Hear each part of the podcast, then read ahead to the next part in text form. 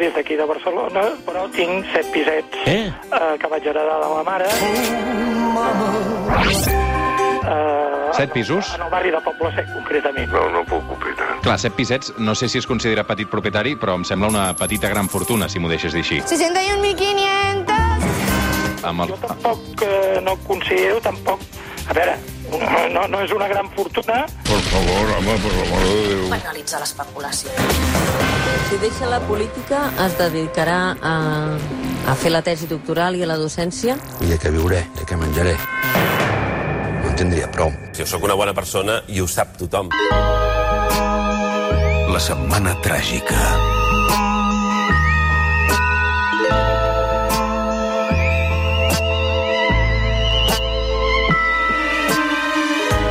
Hora de saludar els diumenges a les 10 en Ion Sindreu. Bon dia.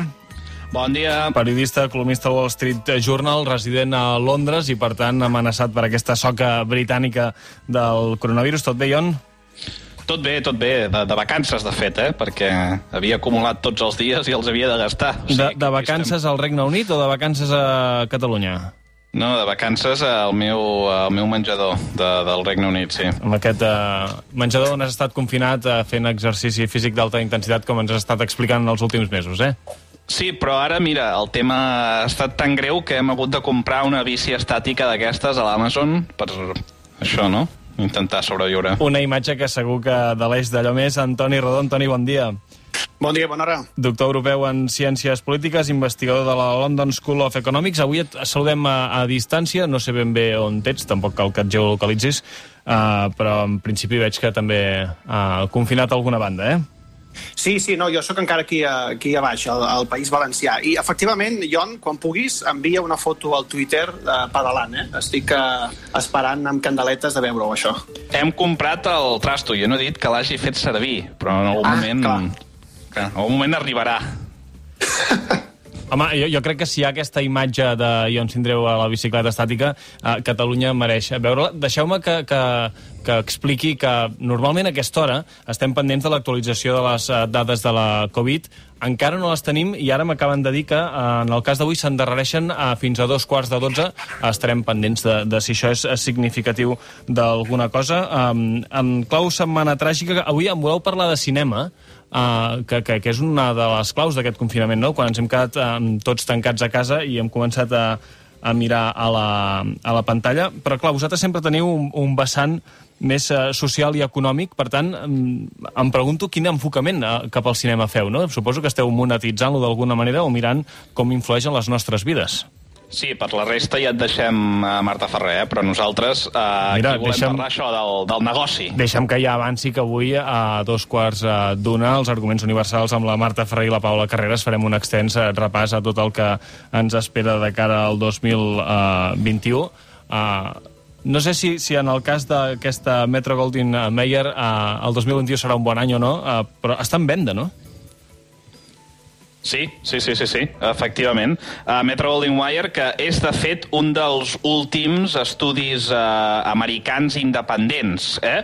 uh, perquè la resta ja són propietat de, doncs, de grans conglomerats. Per exemple, si uh, penseu en Warner Bros., no? uh, és propietat de AT&T, que és aquesta, aquesta empresa de telecomunicacions, uh, Universal és propietat de Comcast, uh, Paramount és propietat de Viacom, que és un, un grup mediàtic molt més gros. Per tant, uh, és l'últim eh, d'aquests estudis cinematogràfics que està en venda doncs, per uns eh, 5.500 milions de dòlars eh, i seria doncs, eh, un senyal no, de fins a quin punt la indústria cinematogràfica doncs, està canviant i el, el coronavirus doncs, li ha donat l'última estocada. Clar, està en venda, però la xifra que dones és una xifra bastant gran, 5.500 milions de, de dòlars. Això vol dir que, que fallida no n'ha fet o, o en quina situació es troba exactament? Ah, bé, uh, això és, és curiós, eh, això que dius de la xifra. De fet, fallida em va fer fa 10 anys. Uh, no sé si ho recordareu, uh, però hi va haver una sèrie d'inversors d'aquests arriscats que se'n diuen en anglès hedge funds, uh, que uh, doncs van comprar no, el deute de, de Metro Goldwyn Mayer just abans uh, de que fes fallida, i el que passa amb aquests processos és que a vegades quan tu ets el, el creditor, no, et converteixes en el propietari. Llavors això és el que va passar. Um, I és curiós perquè uh, no, només fa dos anys uh, hi havia un, uh, tenien un, un, un cap uh, conseller delegat de l'empresa, que era en Gary Barber, que era un veterà de Hollywood, i uh, que estava tenint converses amb Apple, no? la, la venedora de l'iPhone, uh, per vendre l'estudi per més o menys uns uh, 6.000 milions. No? Um, llavors, clar, aquí el que va passar és que el, el, uh, el, el propietari uh, de, de, de MGM, de Metro Goldwyn Mayer, que és precisament uh, el, el, el, no, el que porta aquest hedge fund que es diu Anchorage, els hi va dir als inversors que no, que això de, dels 6.000 milions que res, que ell el, vendria, el vendria per molt més, no? ho vendria per 8.000 milions o el que calgués. El que ha passat és que des de llavors uh, les accions d'aquesta empresa doncs, han caigut encara més. Com us podeu pensar, amb el coronavirus el tema ha anat de mal en pitjor, per tant, ara eh, doncs, hauran de vendre aquest estudi per menys del que el podrien haver venut fa només dos anys. Eh, I és probable que el comprador doncs, torni a ser Apple, no està, no està del tot clar, però recordeu que Apple té eh, doncs, una necessitat d'expandir-se de, perquè el, el negoci dels iPhones doncs, s'està doncs, alentint des de fa anys, i llavors el que ha fet és anar eh, cap al que això que se'n diu serveis, no? que vol dir que tu eh, doncs, eh, fas servir els productes d'Apple, com podria ser el telèfon o l'iPad o el que sigui,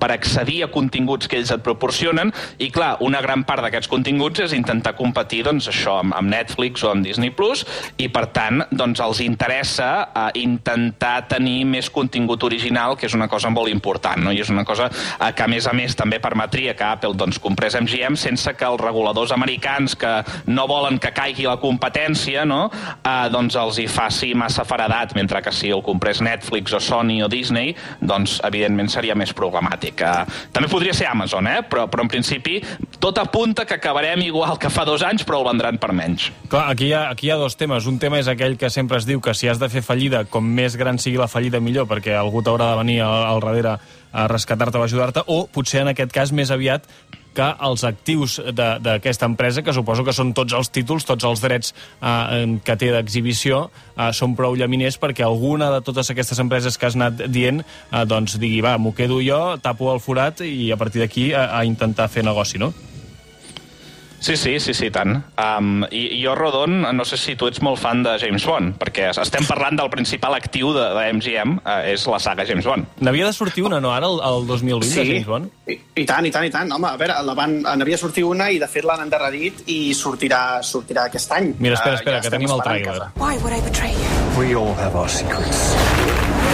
Clar, aquí també, aquí també, Toni, i entrant més en el teu àmbit de- d'especialitat, tots aquests títols, tots aquests actius eh, de- d'aquesta empresa, també hi ha aquí tot un patró cultural, no? tot eh, una manera de- de- d'ensenyar-li a la gent eh, com ha de viure. No sé si això té preu o no, eh, però sí que té una, una forma eh, que suposo que podeu arribar a estudiar intensament els investigadors. Sí, a, a veure, aquí, una mica estirant el fil del que deia en Jon, hi, hi ha un punt interessant que és la, la diferència entre el que se'n diu el, el continent i, i el contingut, no? És a dir, el contingut són, són les pel·lícules, són uh, tot, el, tot el merchandising que creen, són tota la cultura popular que generen. Això no es posa en dubte que, que no, no, no, no desapareixerà pas en el futur, ni, diguéssim, uh, patirà molts problemes. Com sempre, tot dependrà de si es fan bones pel·lícules o no. Uh, el que està en, en discussió um, avui en dia, i sobretot per culpa del coronavirus, és en quin continent, és a dir, en quina plataforma eh, miraran les persones les, les pel·lícules. I és que heu de pensar que eh, l'any passat eh, la, la patacada eh, fruit del coronavirus ha estat intensa. Pensem que per exemple, l'any 2019 es van vendre més de 1.200 milions de tiquets de cinema eh, i eh, l'any passat, l'any 2020, se'n van vendre 230 milions. És a dir, que de 11.000 milions de dòlars recollits s'ha passat a 2.000 milions de dòlars. Per tant, la caiguda ha estat espectacular i una mica ara la idea és que sembla que els cinemes hagin de desaparèixer. Eh, de nou, en aquí eh, jo no, no sóc tan pessimista en aquest sentit. No? Els cinemes tindran el seu, eh, el seu rol a jugar perquè aporten doncs, un contingut social, perquè anar al cinema és també un acte social, no és només eh, mirar la pantalla a casa, i que per tant encara tenen el seu paper a jugar. Però sí que és veritat que aquest impacte de, de la crisi derivada del coronavirus i sobretot del fet de que la crisi hagi generat noves maneres de mirar la televisió, doncs ha posat molt nerviós a molta gent, sobretot, evidentment, a la gent que s'hi dedica, i pot acabar doncs, creant aquestes concentracions o aquestes compres i vendes d'empreses eh, eh, que ara mateix explicava en Joan Sindreu. Clar, uh, Toni, parles de, de noves maneres de, de consumir audiovisual, de concentracions. Aquestes plataformes Netflix, HBO, Amazon, realment tenen tant poder com els atribuïm? Sí, sí, sí, clar. Uh, tenen, tenen un poder econòmic uh, important i, a més a més, tenen un, un poder polític important. Uh, de fet, uh, Jon, no sé si ara em corregiràs, però uh, en el cas d'Apple, per exemple, a mi em dóna la sensació que fa temps que va al darrere d'intentar fitxar alguna mena de plataforma d'aquestes perquè el seu, uh, el seu diguéssim, fons d'armari d'Apple Plus, de la plataforma de televisió, és molt limitat, no? I, per tant, li manca encara oferir en el consumidor uns mitjans o uns productes audiovisuals que acabin de poder competir amb, el, amb la competència, perquè avui en dia sí que és veritat que ofereix algun producte, però no acaba d'estar a l'alçada de tota la competència, no? Clar, i heu de pensar que, que, tot i que és veritat que les noves estrenes, i això ho hem vist, per exemple, amb aquesta sèrie de Netflix, no?, de, del Gambit de Dama, um, doncs uh, són importants. Uh, el que passa també és que gran part de les visualitzacions que té Netflix, per exemple, uh, o fins i tot, doncs, això, Amazon Prime o, o HBO, són de sèries uh, i pel·lícules clàssiques, no?, uh, per exemple, doncs, uh, Friends, no?, una cosa que, que, que et dona doncs, un, un fons d'armari de visites continu. Això Apple uh, TV Plus no ho tenia, no? Uh, per exemple, Disney Plus sí que ho té, no? Perquè té tot el catàleg de Disney, tot el catàleg de, de Marvel, tot el catàleg de Star Wars, uh, i per tant, només amb aquest fons d'armari uh, doncs ja acumula molts subscriptors i també fa que, que diguem-ne, el preu de la subscripció pugui ser menor. Això Apple no ho té i per tant ho busca, no? I per tant sí que sembla, uh, com diu el Rodon, que és una mena de, de, de casament no natural. Uh, però està per veure si, si això doncs, passarà com passarà i per quin preu, eh, però bé, ja diu molt no, de, de en quin punt estan aquests estudis que eh, de, el senyor pensant-se que el vendria per més de 8.000 ara ho haurà de vendre per 5.500 com, a, com a molt. No, eh? i, i, i realment, com, com esteu retratant molt bé, aquí hi ha un, hi ha un canvi de hi ha un canvi de model bastant important. Clar, ara, jo en parlaves de, de fons d'armari, no? de tot el catàleg. Uh, però per aquestes, sí. per aquestes plataformes, um, amb, amb les quotes que cobren, que en principi home, pel que es paga, per exemple, per veure el futbol, doncs Netflix és, és, és prou assumible, HBO és prou assumible, Amazon Prime directament eh, amb, tu, et ve inclòs amb, amb un seguit d'altres serveis, no? Amb aquestes quotes surt rendible fer estrenes? Ah, això és, això és una grandíssima pregunta. I uh, l'estem començant a respondre darrerament, perquè no sé si, si uh, l'heu vista, uh, però un, una de les pel·lícules que d'alguna manera ha canviat el paradigma, o en tot cas ens ha, ens ha indicat que el paradigma és difícil que canvi més aviat, és Wonder Woman uh, 1984, uh, que s'ha estrenat just ara uh, tant en els cinemes com a HBO Max. Uh, no sé si l'heu vist. Jo no, però No, la Marta no, no. Ferrer, que la tinc a l'altre costat del vidre, m'està fent que sí de manera molt entusiasta.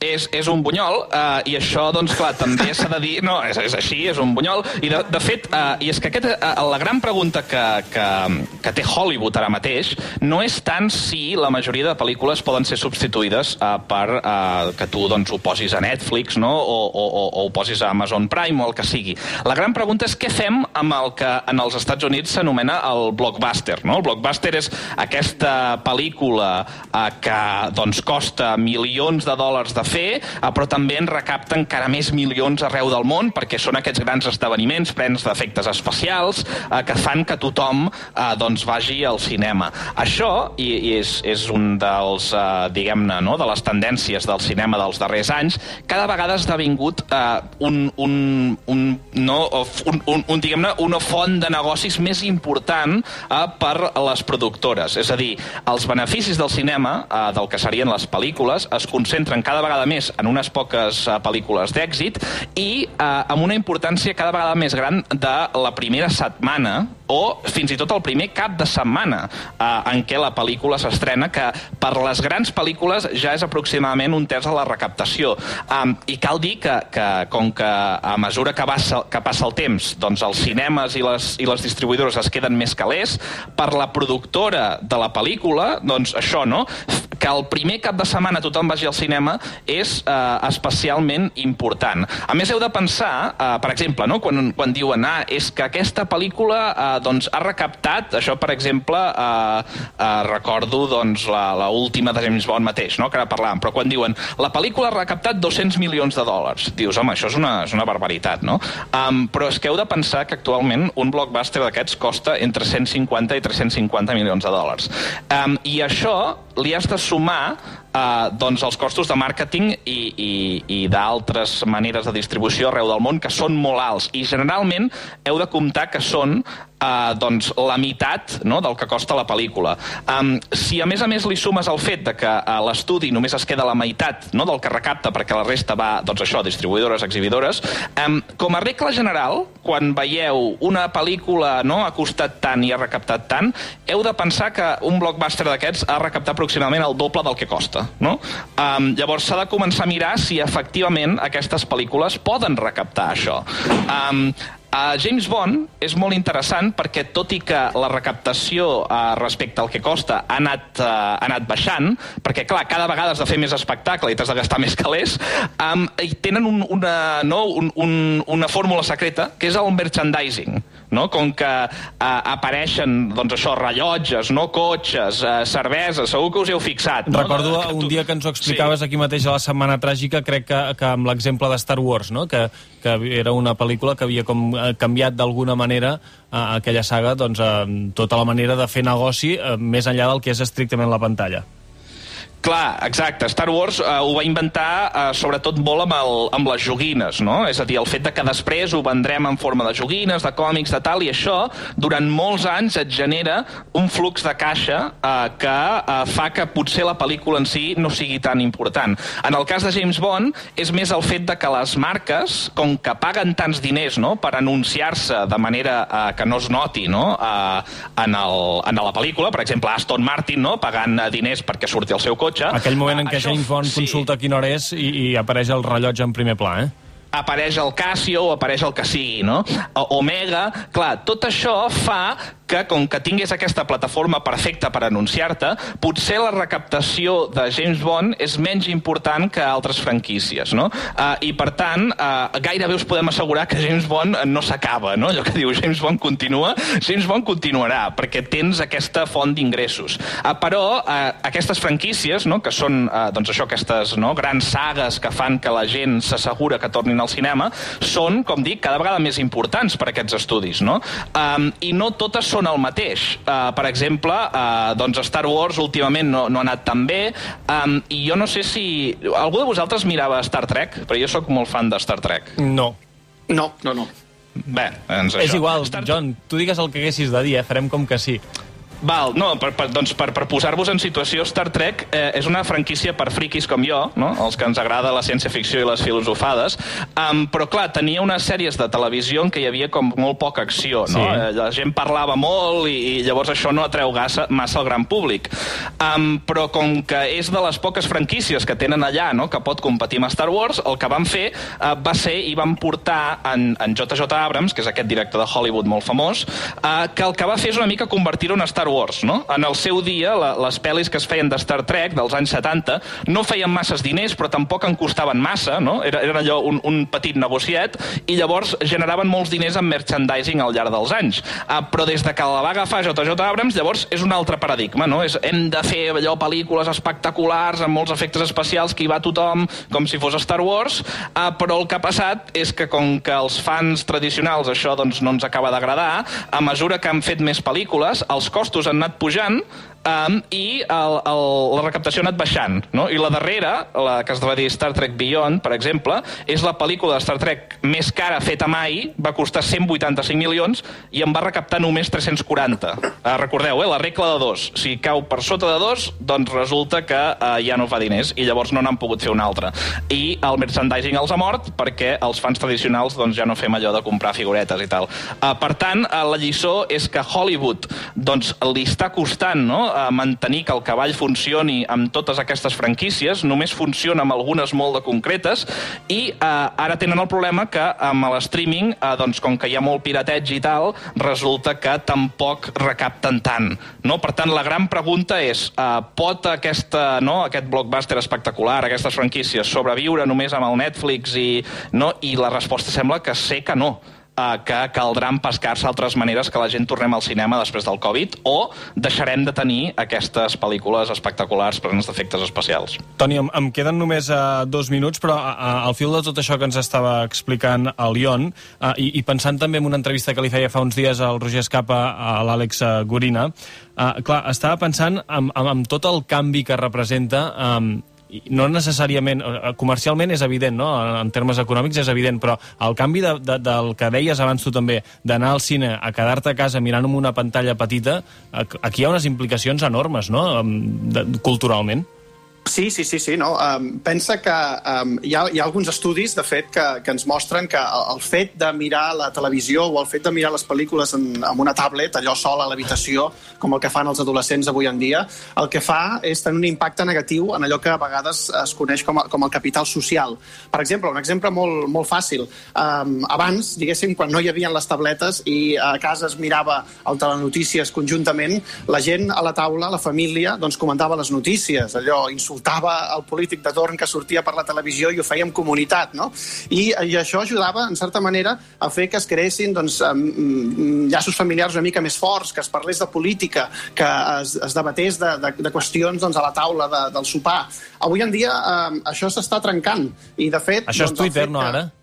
Això és Twitter i el fet que això, que, que hi ha molta gent que sopi sol, que se'n vagi a l'habitació a, a, a mirar la pel·lícula sol, doncs eh, ha mostrat que en alguns, en alguns casos el que fa és trencar doncs, això, l'esperit en certa manera de comunitat, de capital social positiu, etc. Per tant, eh, sí, eh, anar al cine no és només veure una pel·lícula, uh, sinó també és aquesta experiència comunitària doncs, de passar un dia conjunt amb els amics, amb la família, amb qui sigui, Home, i a més a més després però, però, comentar la pel·lícula, però- etc. Però el nen de darrere que et dona patades al seient, potser també en podem, no? El- el jo puc nen- estar-me sí. sense el nen, eh? En tot cas, sí. uh, el nen aquest del darrere de la sala de cinema que dona cops de peu el deixarem uh, per un altre dia perquè ho haurem de deixar aquí, però vaja, uh, queda clar amb aquest uh, repàs que hem fet avui a la Setmana Tràgica que les implicacions uh, del canvi de consum audiovisual uh, no només són econòmiques amb aquests milers de milions que ens deia en Ion, uh, sinó també socials i culturals, uh, com ens explicava el Toni. Ion Sindreu, Toni Rodon, moltes gràcies en aquest uh, 3 de gener per ser un dia més aquí al Suplement i fins la setmana que ve. Vinga, tot pot ser pitjor. El suplement, amb Joan Bota.